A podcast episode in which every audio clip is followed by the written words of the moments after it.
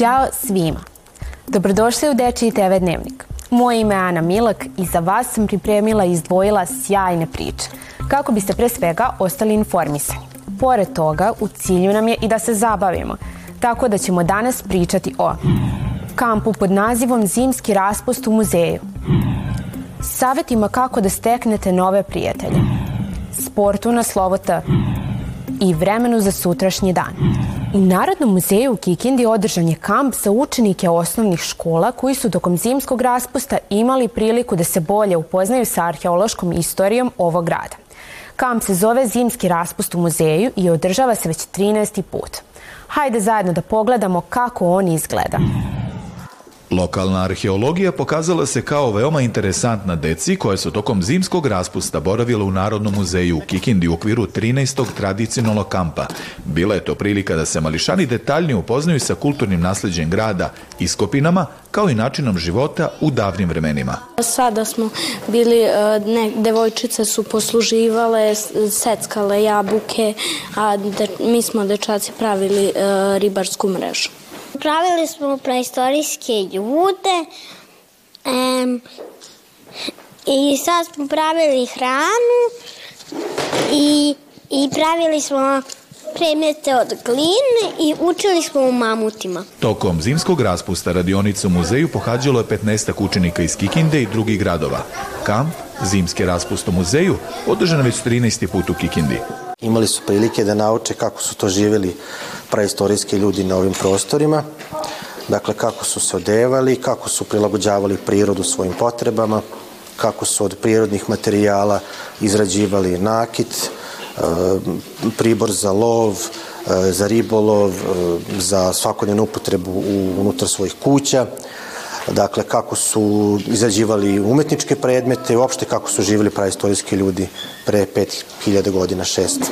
Korisnici kampa imali su priliku i da rade na dramatizaciji izradi filma o arheološkom nasleđu kako bi se na što kvalitetni način prikazao život praistorijskog čoveka. Svima ponekad može teško da padne upoznavanje, pogotovo kada promenimo sredinu.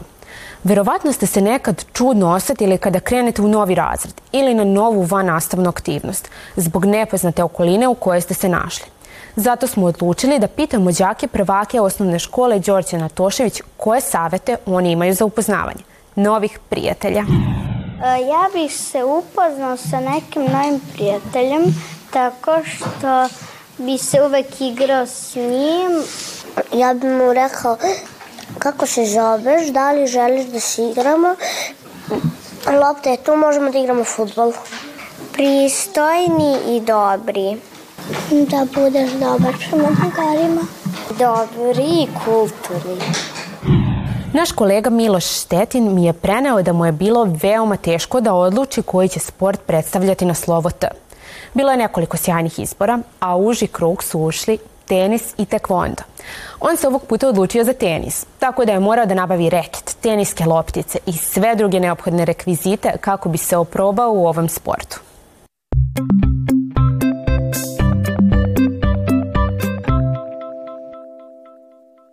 Ćao svima. O današnjem sportu vam neću pričati mnogo, već ću vam samo reći uzmite teniske rekete, uzmite teniske loptice i znate šta, danas vas vodim na tenis.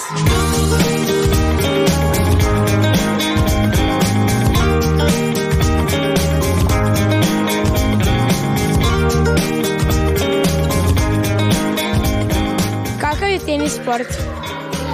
Tenis je individualan sport, može da se igraju parove, veoma je zanimljiv, zabavan. Teniseri stoje svaki na svojoj polovini, razdvaja ih mreža i nemaju kontakt međusobno. Koja pravila važe u tenisu? U tenisu svaki teniser treba prebaci lopticu preko mreže, da pogodi tačno obeleženo polje, ne sme da mu odskoči loptica dva puta i to je to. Ja sam počeo da treniram tenis zato što kada nisam trenirao tenis, gledao sam puno tenisera kako udaraju lopticu, pa sam i ja želeo da pokušam, pa onda sam se upisao u tenis. Zato što mi se sviđa sport da, da između ta dva čoveka koji igraju taj sport nisu blizu. deli ih mreža. Pa kako udaramo loptice, baš nam je lepo. Kad mi protivnik daje najteže, na primjer ja sam ovde, a on mi daje ovde. To mi je, I zato mi je težak sport.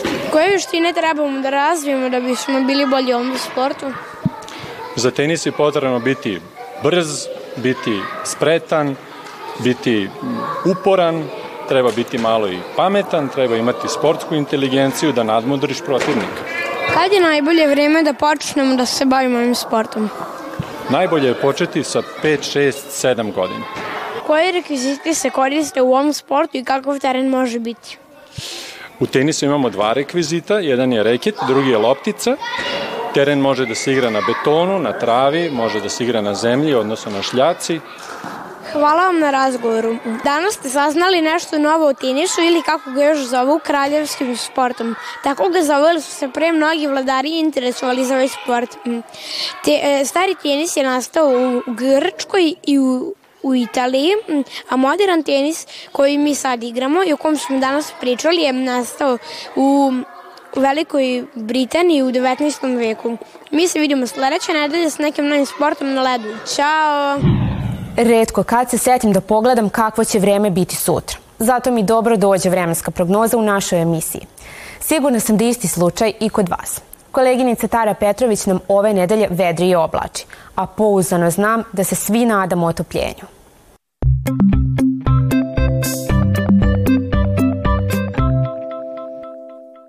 Ćao!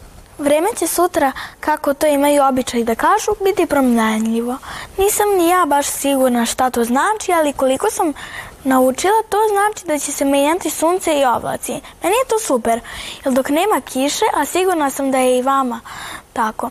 To kažem jer ja uvek ostavim taj jedan kišobran gde god da ga ponesem, na primjer u školi i onda ga kasnije nemam kad mi zatreba. Tako da eto vama jedan podsjetnik da ne zaboravite svoje kišobrane.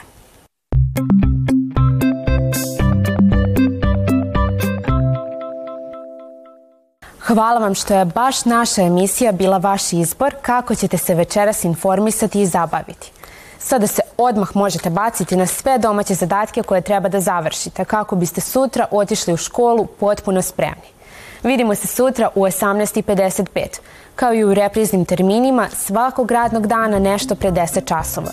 Do sutra, doviđenja.